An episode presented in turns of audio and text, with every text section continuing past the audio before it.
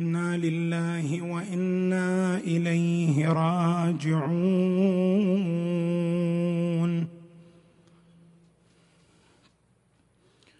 صلى الله وسلم عليك سيدي ومولاي يا أبا عبد الله. وعلى ابن عمك الغريب.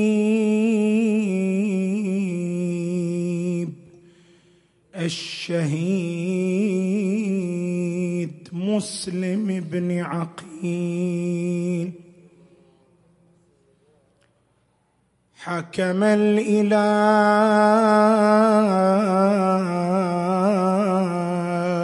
بما جرى في مسلم. والله ليس لحكمه تبديل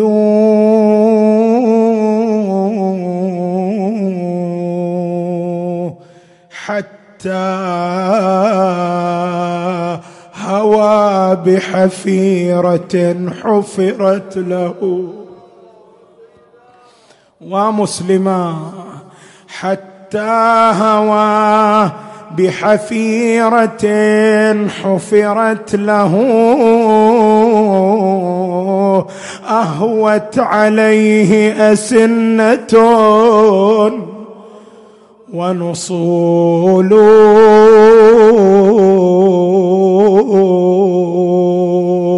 سل ما جرى جملا ودع تفصيله فقليله لم يحوه التفصيل. قتلوه ثم رموه من أعلى البناء وعلى الثرى سحبوه وهو قتيل.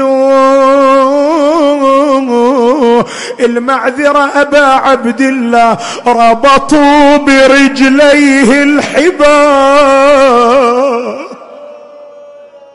ربطوا برجليه الحبال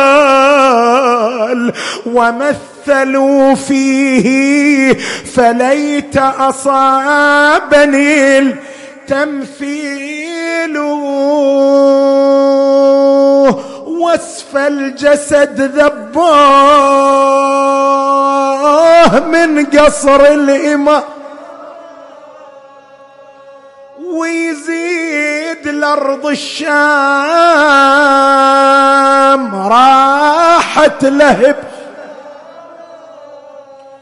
وكان يترجى حسين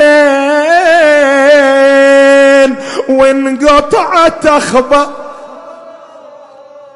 وزينب تقلش خبر مسلم يا ضي العين قال لها الخبر عندي يا مهجة سر الوجوه. مسلم من الكوفة يا نور العين ميعو. اعذرني اعذرني كني أشوف بسوق الغنم ممدود ما بينهم ينسحب ما كانهم مسلمي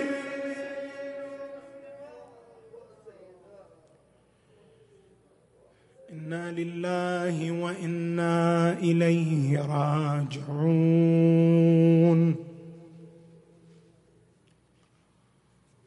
وسيعلم الذين ظلموا أي منقلب ينقلبون. قال الله تعالى في محكم كتابه الكريم. بسم الله الرحمن الرحيم. قد خلت من قبلكم سنن فسيروا في الأرض. فانظروا كيف كان عاقبة المكذبين. آمنا بالله. صدق الله العلي العظيم.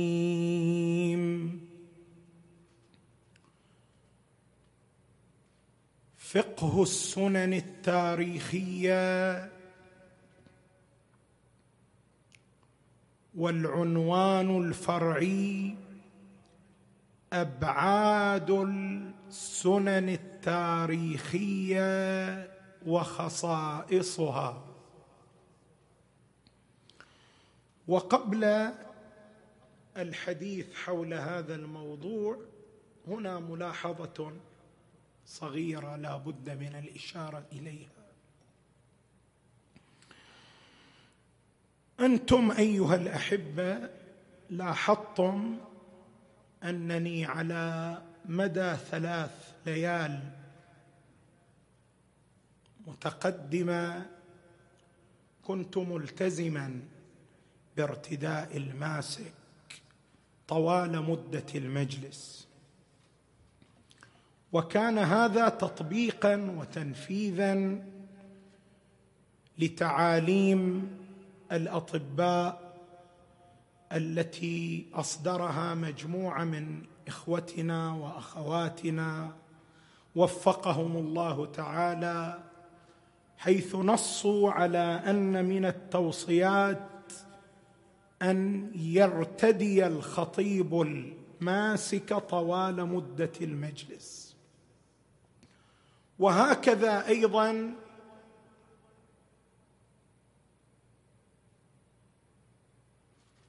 حثني بعض الإخوة الأعزاء من الأطباء المتخصصين في مجال العدوى والفيروسات.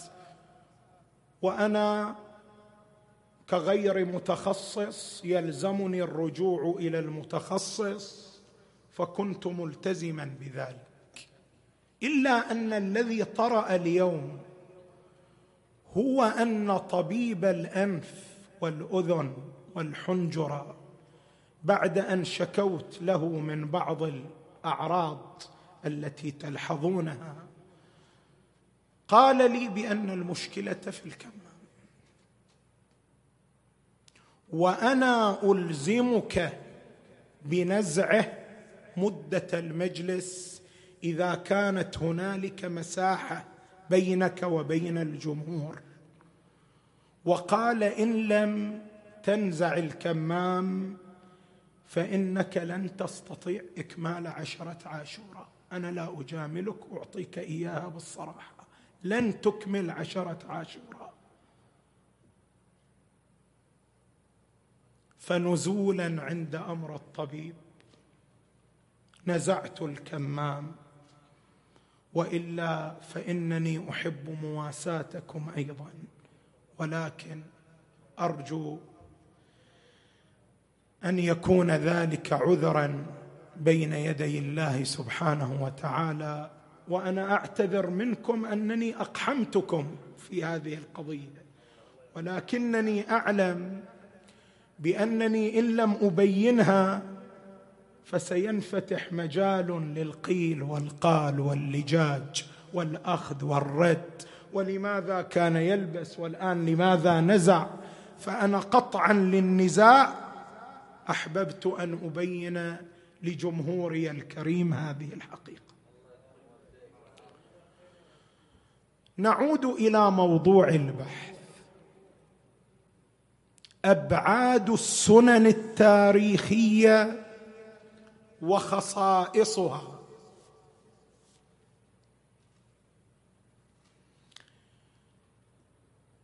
هنالك ثلاثة أبعاد مهمة للسنة التاريخية التي تحدثنا عنها ليلة البارحة. البعد الأول البعد العلمي. شلون يعني البعد العلمي؟ لما نصير وباء في مجتمع من المجتمعات كسنة تاريخية. لما تصير كارثة معينة في مجتمع من المجتمعات كسنة تاريخية. لما مجتمع يصير مجتمع فقير كسنة تاريخية. لما مجتمع يصير مجتمع غني كسنة تاريخية. لما مجتمع ينهض كسنة تاريخية. لما المجتمع يسقط كسنة تاريخية.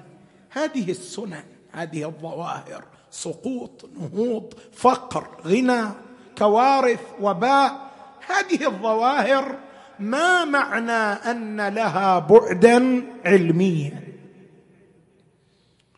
نحن ليلة البارحة عندما عرفنا السنن ما هي السنن؟ قلنا بأن السنن هي عبارة عن القوانين والأنظمة التي تحكم العالم والمجتمعات. خلي بالك عندي. إذا كانت السنن قوانين متى يكون الشيء قانونا؟ يعني الشيء متى يصح أن نعبر عنه بأنه قانون. خل اوضح لك. العلماء عندما يتحدثون عن القانون فيما يرتبط بما نحن فيه يعني بالسنن وأمثالها والظواهر الطبيعية يقولون هنالك عندنا نوعان من القوانين. النوع الأول القوانين الطبيعية والنوع الثاني القوانين الفيزيائية. فما هو الفرق بين القانون الطبيعي والقانون الفيزيائي؟ يقولون القانون الطبيعي هو عبارة عن الظاهره المتكرره في عالم الطبيعة.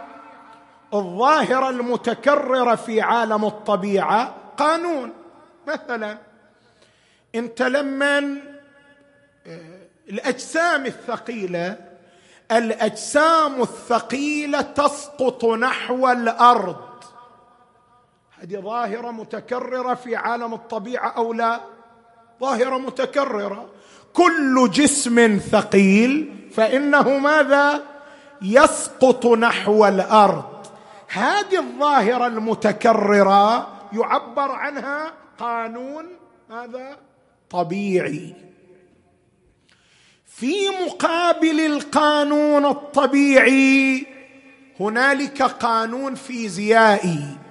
قانون الفيزيائي هو وصف الظاهره المتكرره وتفسيرها. يعني هذا عالم الفيزياء من يجي يلاحظ الظواهر المتكررة في عالم الطبيعة يصفها ويفسرها وهذا التفسير والوصف والصياغة يعبر عنها ماذا؟ قانون فيزيائي. مثلا يجي عالم الفيزياء يعبر عن ظاهرة سقوط الأجسام الثقيلة بقانون الجاذبية فيصف كيفية السقوط مقدار سرعة سقوط الأجسام وأن مستوى السرعة يختلف من جسم إلى آخر. هذا التفسير والتوصيف من قبل عالم الفيزياء هو ما يعبر عنه بالقانون الفيزيائي. إذا قانون الفيزيائي مترتب على القانون الطبيعي ومتأخر عنه ومقوم القانون الطبيعي هو التكرار. لما شيء يتكرر في عالم الطبيعة يكون ماذا؟ قانونا. زين نجي إلى هذه السنة اللي تحدثنا عنها ليلة البارحة. هذه السنة متكررة مضطردة أو لا؟ نقول نعم مضطردة متكررة كلما تحققت أسبابها سمعت مثلا الرواية عن الإمام الرضا عليه السلام كلما أحدث كلما كلما. يعني هذا شيء ماذا؟ مضطرد متكرر.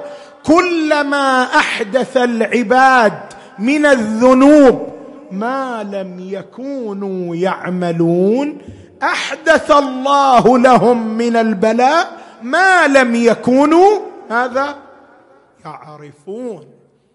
اذا السنة قانون.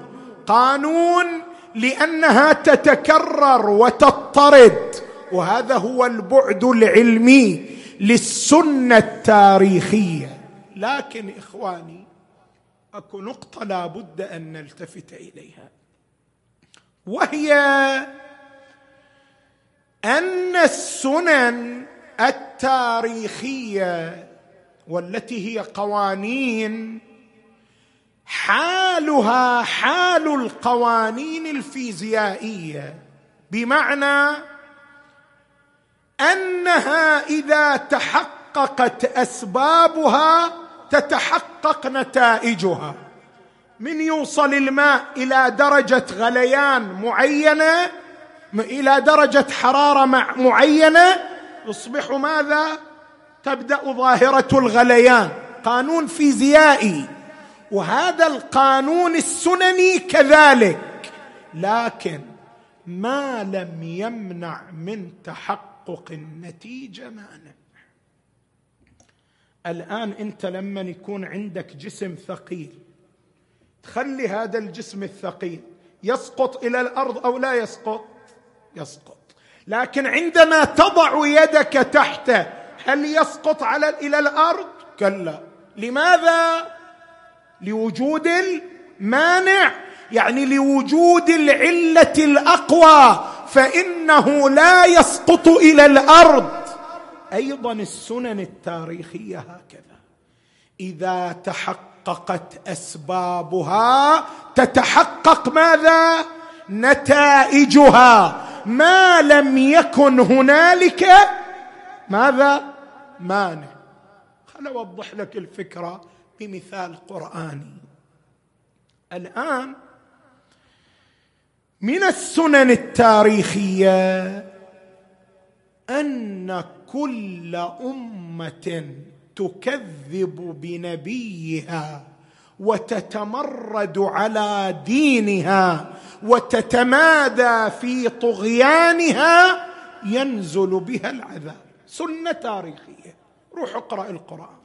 اقرأ تاريخ أقوام الأنبياء. لوط ونوح وهود وثمود وغيرهم. ما من أمة كذبت بنبيها وتمردت على ربها وتمادت في طغيانها إلا وحل بها العذاب. سنة. حتى لو أظهرت الإيمان في اللحظات الأخيرة. لا يجديها ذلك شيء. شوف القرآن شو يقول. فلما رأوا بأسنا قالوا آمنا بالله وحده وكفرنا بما كنا به مشركين. فلم يك ينفعهم إيمانهم لما رأوا بأسنا. ليش؟ ليش؟ سنة الله التي قد خلت في عباده وخسر هنالك الكافرون. كل مجتمع يكذب الرسل والأنبياء والأئمة مصيره إلى ذلك. لكن من تقرأ القرآن تشوف أن قوم يونس رغم أنهم كذبوا نبيهم إلا أنهم ماذا؟ استثنوا من هذا ولم ينزل بهم العذاب رغم أنهم كانوا مستحقين لنزول العذاب. لماذا؟ حصل المانع. شلون حصل المانع؟ دول قوم يونس على نبينا وآله وعليه أفضل التحية والسلام لما يئس يونس منهم وخرج من قومه. كان في القوم عالم عابد. التفت إليه. قال شوف ترى إحنا قارين تاريخ غيركم من الأمم والمجتمعات. وكل مجتمع كذب بتعاليم السماء وتنكر لها. وتمرد في طغيانه حل به العذاب. فالنتيجة بالمختصر أن العذاب سيحل بكم. بعد أنتم يونس ما تصدقوه أنا من قومكم ومنكم وفيكم أنصحكم. إن لم ترجعوا إلى الله وتتوبوا إليه توبة نصوحا فإن العذاب واقع بكم. لا محالة.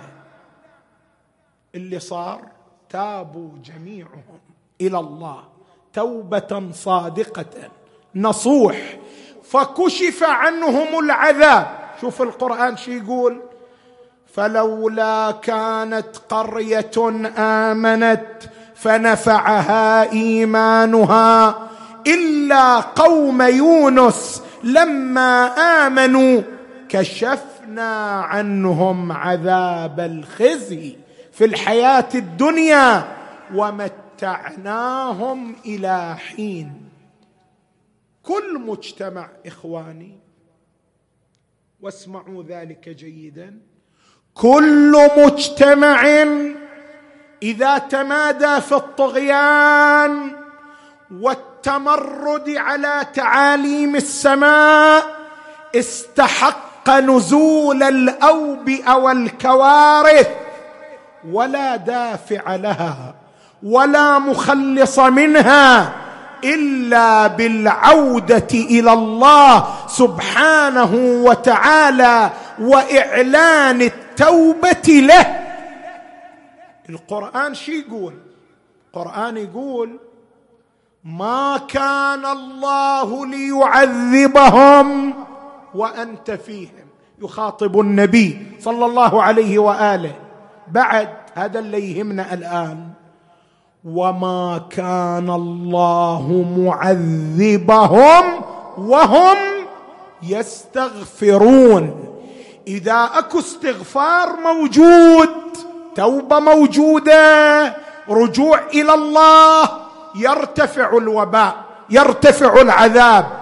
أما مع الإصرار على المعاصي والانحرافات وما حرمه الله سبحانه وتعالى فإن الكوارث تبقى كما هي. الإمام أمير المؤمنين عليه السلام يقول كان على الأرض أمانان يدفعان عذاب الله رفع أحدهما فدونكم الآخر فتمسكوا به. أما الأمان الذي رفع فرسول الله صلى الله عليه وآله وأما الأمان الباقي فالاستغفار. ثم تلا قوله تعالى ما كان الله ليعذبهم وأنت فيهم وما كان الله معذبهم وهم يستغفرون. اذا إخواني السنن التاريخية قوانين مضطردة. وإذا تحققت أسبابها تحققت نتائجها هذا لا يتغير لا يتبدل. والقرآن أكد على ذلك. سنه الله في الذين خلوا من قبل ولن تجد لسنتنا تبديلا سنه الله التي قد خلت من قبل ولن تجد لسنتنا تبديلا سنه من ارسلنا قبلك من رسلنا ولا تجد لسنتنا تحويلا السنة الإلهية لا تتغير ولا تتبدل. اذا هي ماذا؟ قانون وهذا هو البعد العلمي. نجي إلى البعد الثاني. البعد الإلهي. شوفوا إخواني من نتحدث عن السنن التاريخية هذه النقطة خلوها ببالكم. وهذا قد تلحظوه حتى في كتابات الكتاب والمؤلفين.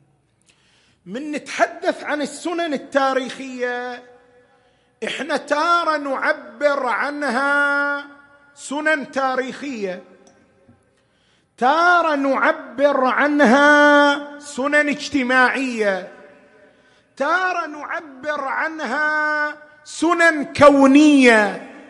تاره نعبر عنها سنن إلهية.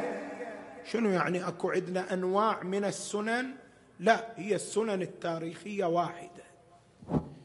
إذا كانت السنن التاريخية واحدة فليش أحيانا نقول سنن إلهية؟ أحيانا نقول سنن كونية؟ أحيانا نقول سنن اجتماعية؟ تختلف التسميات باختلاف الإضافات وإلا المسمى شيء واحد. شنو يعني تختلف التسميات باختلاف الإضافات؟ يعني هذه السنن إذا أضفناها إلى فاعلها سبحانه وتعالى نعبر عنها سنن ماذا؟ إلهية. وهو القرآن أضافها إلى نفسه. قال سنة الله التي قد خنت من قبل. وقال ولن تجد لسنتنا تبديلا. وتارى هذه السنن تضاف إلى القابل مو إلى الفاعل. إلى القابل يعني من وقعت عليه السنة القرآن هم استخدم هذا. سنة من أرسلنا قبلك من رسلنا. أو وهل ينظرون إلا سنة الأولين؟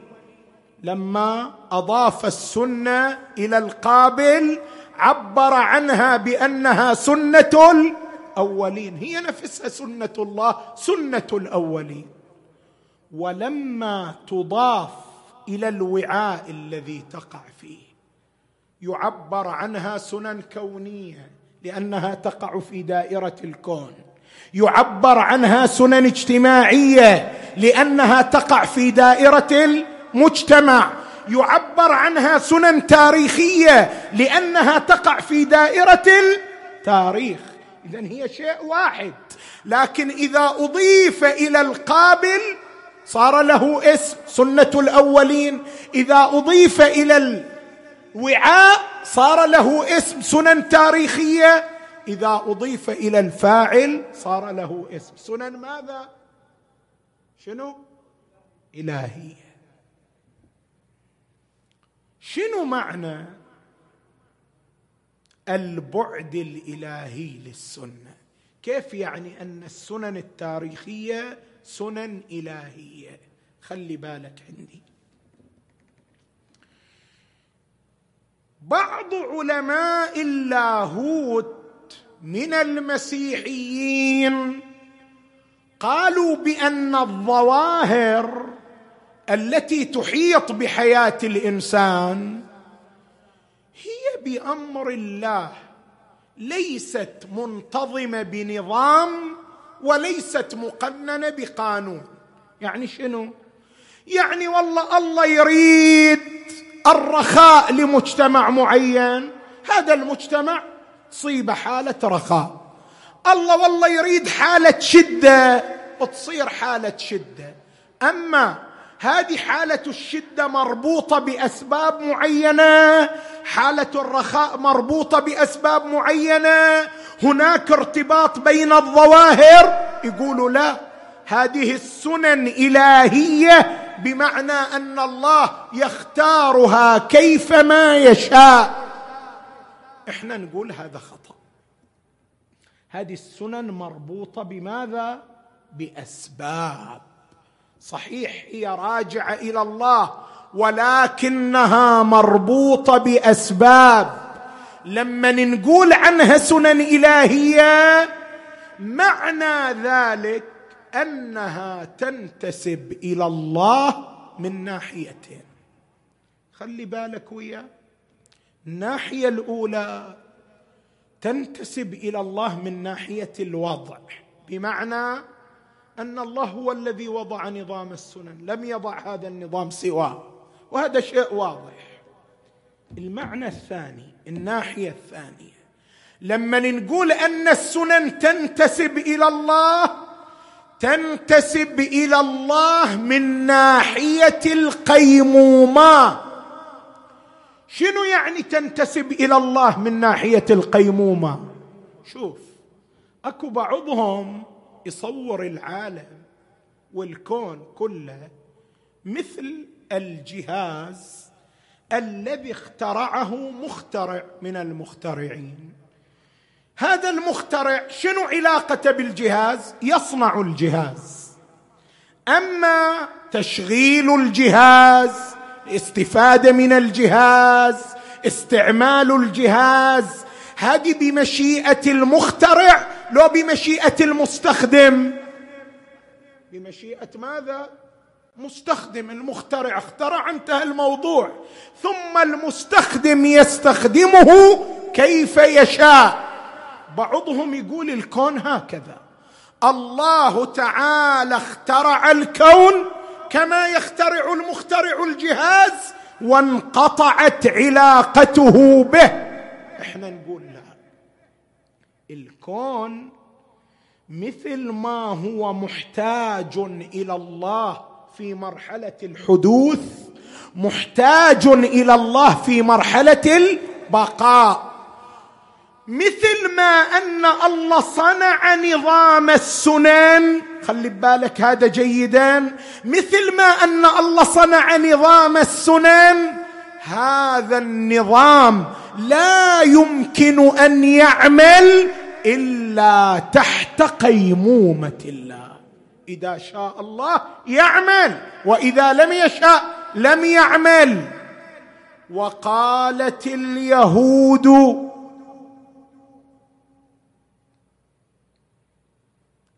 غلت شنو؟ وقالت اليهود يد الله مغلولة. غلت أيديهم ولعنوا بما قالوا بل يداه ماذا؟ مبسوطتان. ينفق كيف يشاء.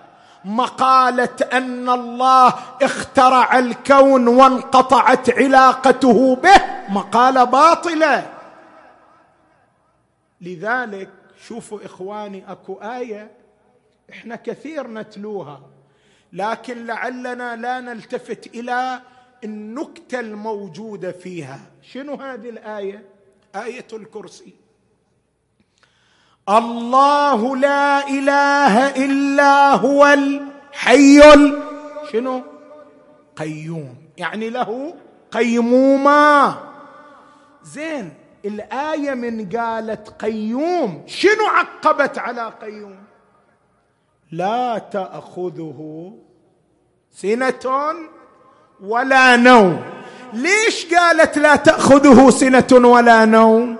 تريد أن تقول بأن قيمومته لا تنقطع عن الكون ولا لحظة واحدة. له قيمومه دائمة ومطلقة. فنظام السنن يعمل تحت مشيئته. وإشرافه سبحانه وتعالى.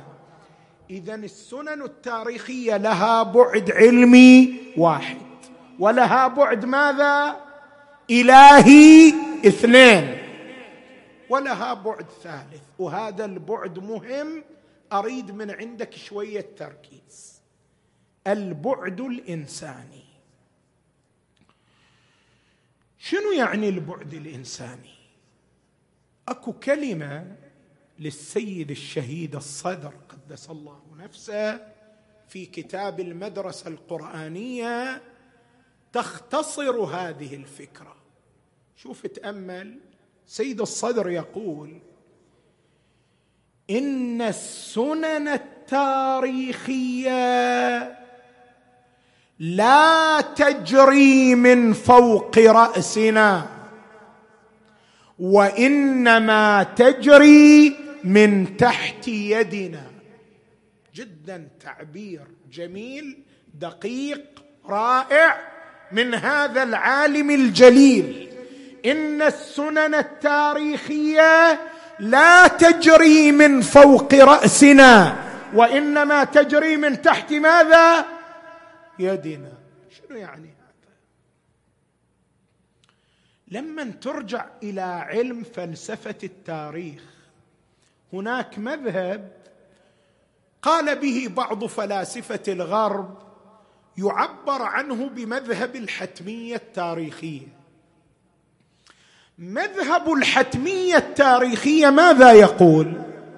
مذهب الحتمية التاريخية يقول الإنسان مسكين مكتوف اليدين.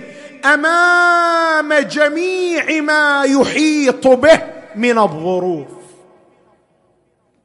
كل ظروف اللي تمر على المجتمعات نهوض سقوط فقر غنى ضعف قوة ابتلاءات كوارث كل هذه ينبغي على الإنسان أن يسلم لها ويستسلم أمامها ويخضع لها لأنها حتميات تاريخية لا مجال لتغييرها. هذا مذهب الحتمية التاريخية يرفضه القرآن. القران يقول ماكو شيء حتمية تاريخية. القران يقول كل حتمية هي مرتبطة بقرار الإنسان. إن الله لا يغير ما بقوم حتى يغيروا ما بأنفسهم. ما أكو شيء اسمه حتمية. إنزين أنت تجي تسألني سؤال وهذا السؤال مهم. تقول أنت سيدنا مو ذكرت أن البعد الأول للسنة التاريخية هو البعد العلمي؟ والبعد العلمي يعني القانونية وأنها ماذا؟ مضطردة ولا تختلف ولا تتخلف. وهذا معناه الحتمية. الحتمية شيء آخر بعد. الحتمية هو هذا. فإذا كانت السنن قوانين اذا هي حتمية. فشلون تقولوا بأن الإنسان له ماذا؟ له اختيار فيها. والحتميات التاريخية مرفوضة. تأمل عندي الجواب. اختيار الإنسان مرتبط بالمقدمات والحتمية مرتبطة بالنتائج. شلون؟ السنن التاريخية لها مقدمات ولها ماذا؟ نتائج. المقدمات اختيارية للإنسان لكن النتائج ماذا؟ حتمية وهذا ما يتنافى مع الاختيار. تماما مثل في القوانين الفيزيائية قوانين الطبيعية. النار تحرق أو لا تحرق؟ تحرق. قبل النار تحرق لكن إشعال النار اختياري لك أو غير اختياري؟ اختياري. مقدمة إشعال النار اختيارية. لكن النتيجة ماذا؟ حتمية. متى ما اخترت إشعالها كانت النتيجة هي احراق حتما. هكذا هي السنن. السنن مقدماتها اختيارية بيدنا نحن. لكن نتائجها نتائج حتمية. خل أبينها لك بفكرة من القرآن. شوف القرآن شو يقول. وهذا وهذا الشاهد القرآني هم يهمنا إحنا يعني. ولو أن أهل القرى آمنوا واتقوا لفتحنا عليهم بركات من السماء والأرض ولكن شنو؟ كذبوا. فأخذناهم بما كانوا بما كانوا يكسبون يكسبون. الآية شو تقول؟ الآية تقول كل مجتمع من المجتمعات الله جعله على مفترق طرق. هذا طريق وهذا طريق. أمامك خياران أمامك طريقان طريق الإيمان وطريق التقوى وطريق التكذيب والطغيان والتمرد على الله سبحانه وتعالى. اختيار أحد الطريقين اختياري لنا لو إجباري اختياري باختيارنا لو نختار طريق الإيمان والتقوى لو نختار ماذا؟ طريق الطغيان والتمرد. فإذا اخترنا طريق الإيمان والتقوى أكو نتيجة حتمية بمقتضى القانون الإلهي. فتحنا عليهم بركات من السماء والأرض. قانون. زين إذا اخترنا الطريق الثاني أيضا أكو نتيجة. فأخذناهم بما كانوا يكسبون. اذا ماكو منافاه بين البعد الإنساني للسنن التاريخية وبين البعد العلمي. هي إنسانية من حيث المقدمات وقانونية علمية من حيث النتائج. أهل الكوفة لما جاءهم مسلم بن عقيل صلوات الله وسلامه عليه جعلهم بين خيارين لو يبايعون الحسين صلوات الله وسلامه عليه فيأكلون من فوق رؤوسهم ومن تحت أرجلهم. وتتفتح لهم بركات السماوات والأرض. لو يخذلون الحسين. والنتيجة تسلط الأشرار عليهم كالحجاج وامثاله مسلم جعلهم بين خيارين. وبإرادتهم اختاروا خذلان مسلم بن عقيل. ونقض بيعة مسلم بن عقيل. ويا ليتهم قد اكتفوا بخذلانه. شوية الواحد من يجي ضيف من المخجل والمعيب أن يطرد الضيف من عنده. ودول مسلم ضيف عندهم. لم يحسنوا ضيافة مسلم. وتالي لما نقضوا البيعة ما اكتفوا بنقض البيعة بل صاروا يطاردونه بالحجارة ولهب النيران.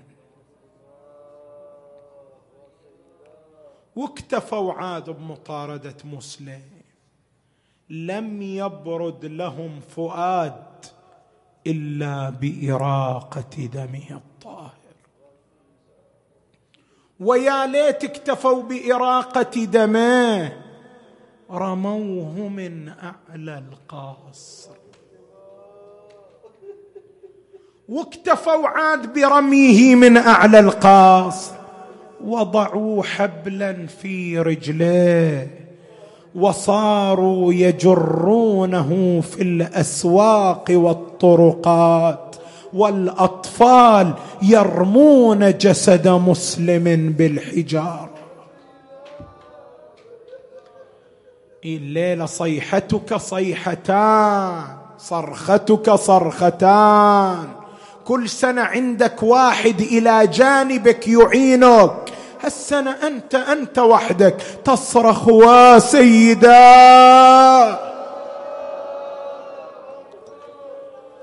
هذا الموقف المؤلم لمسلم بن عقيل. عبرت عنه طوعا. قالت طاعة تصيح على السطح. وش هالكثيرة وطاعة تصيح على السطح.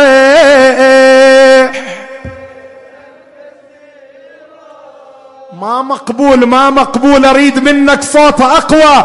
وطاعة تصيح على السطح.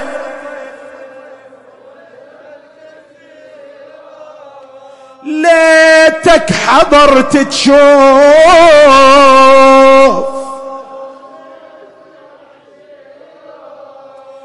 بن عمك الموثوق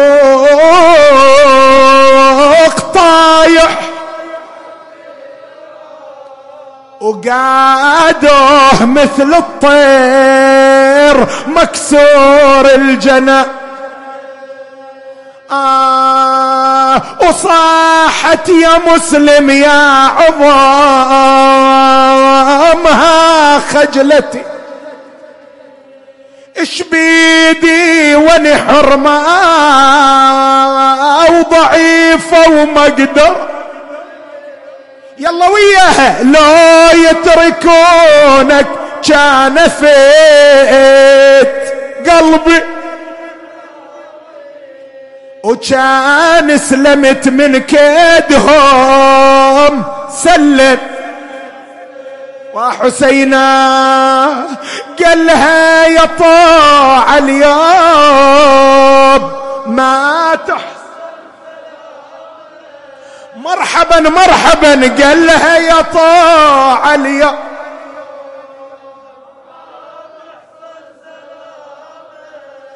بوصيت كان بهالبلد.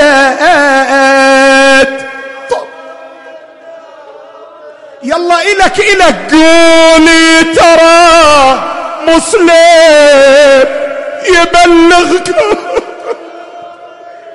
عظم الله أجوركم أوثقوه حبالا أقبلوا به إلى ابن زياد. نادى سلمت أو لم تسلم فإنك مقتول لا محاله يا ابن حمران اصعد به واضرب عنقه فصعدوا بمولانا مسلم وهو يسبح الله ويهلله. قال دعني أصلي ركعتين ما إن أتم صلاته وإذا باللعين قد شهر سيفه وفتح باعا وضرب مولانا على عنق الله أكبر. أين الصارخون ومس؟ عز علينا مولانا مسلم. عز علينا سيدي في كلها في كل سنة. إذا ذكرنا مصيبتك فإن هذه الحسينية تتزلزل بصرخات الصارخين ومسلمات. عظم الله أجوركم ثم رموا بالجسد الشريف. من أعلى القصر وضعوا حبلا في رجليه صاروا يجرونه في الأسواق. هذا خبر مسلم في الكوفة وأما خبر مسلم عند الحسين تقول الرواية لما وصله الخبر انتحب الحسين باكيا. وقال إنا لله وإنا إليه راجعون ثم التفت إلى بني عقيل وقال عظم الله لكم الأجر في سيدكم مسلم.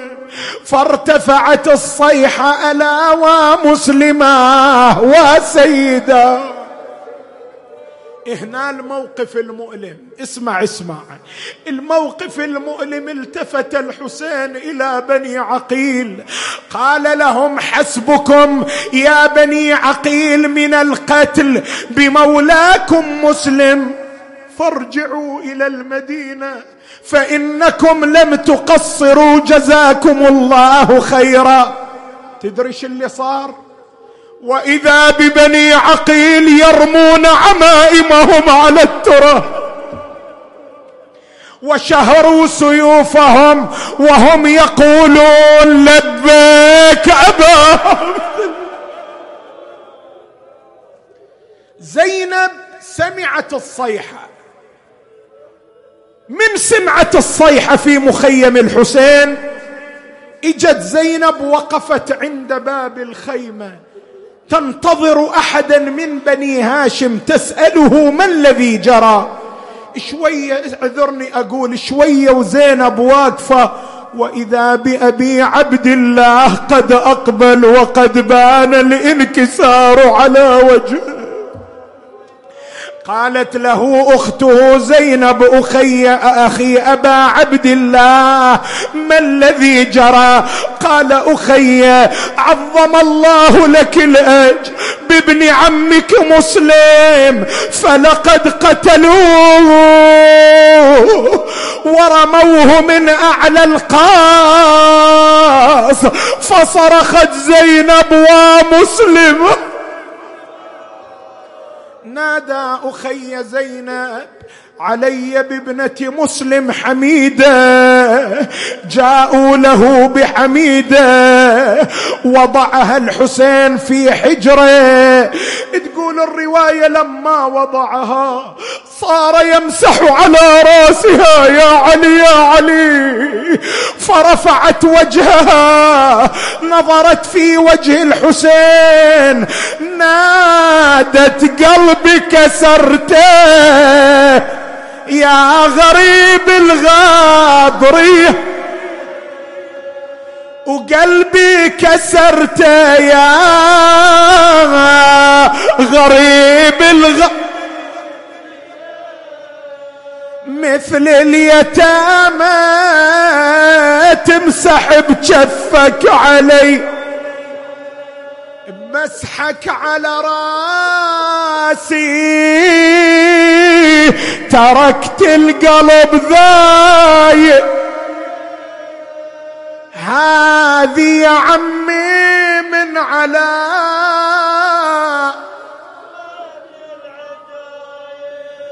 قلبي يتروع. حيث أبويا بسفر. طول الغيبة يعودها الله يعودها الله بالسلام. آه قالها جاني الخبر عن حال مسلم يا حزين. يقولون بالأسواق جسمه ساحبي ومسلمة جاني الخبر عن حال مسلم يا حزن يقولون من قصر الإمارة ذا. وبالحبل في الأسواق. جسمه ساحبي. وراس المشكر راح للطاغي هدي. وسحبايا تجر بأسواقهم. ألست أميرهم بارحة سقتك دما يا ابن عم الحسين. بالحسين الوجيه بسيدنا ومولانا مسلم بن عقيل. عجل فرج مولانا صاحب العصر والزمان اجعلنا من أنصاره وأعوانه والمقاتلين بين يديه والمستشهدين تحت لوائه. اللهم بحقه وبحق آبائه. اكشف هذه الغمة عن هذه الأمة وادفع عنا هذا الوباء ومن على المرضى المنظورين بالشفاء بحق سيدنا ومولانا سيد الشهداء. وإلى موتى المؤمنين والمؤمنات نهدي للجميع ثواب الفاتحة تسبقها الصلوات.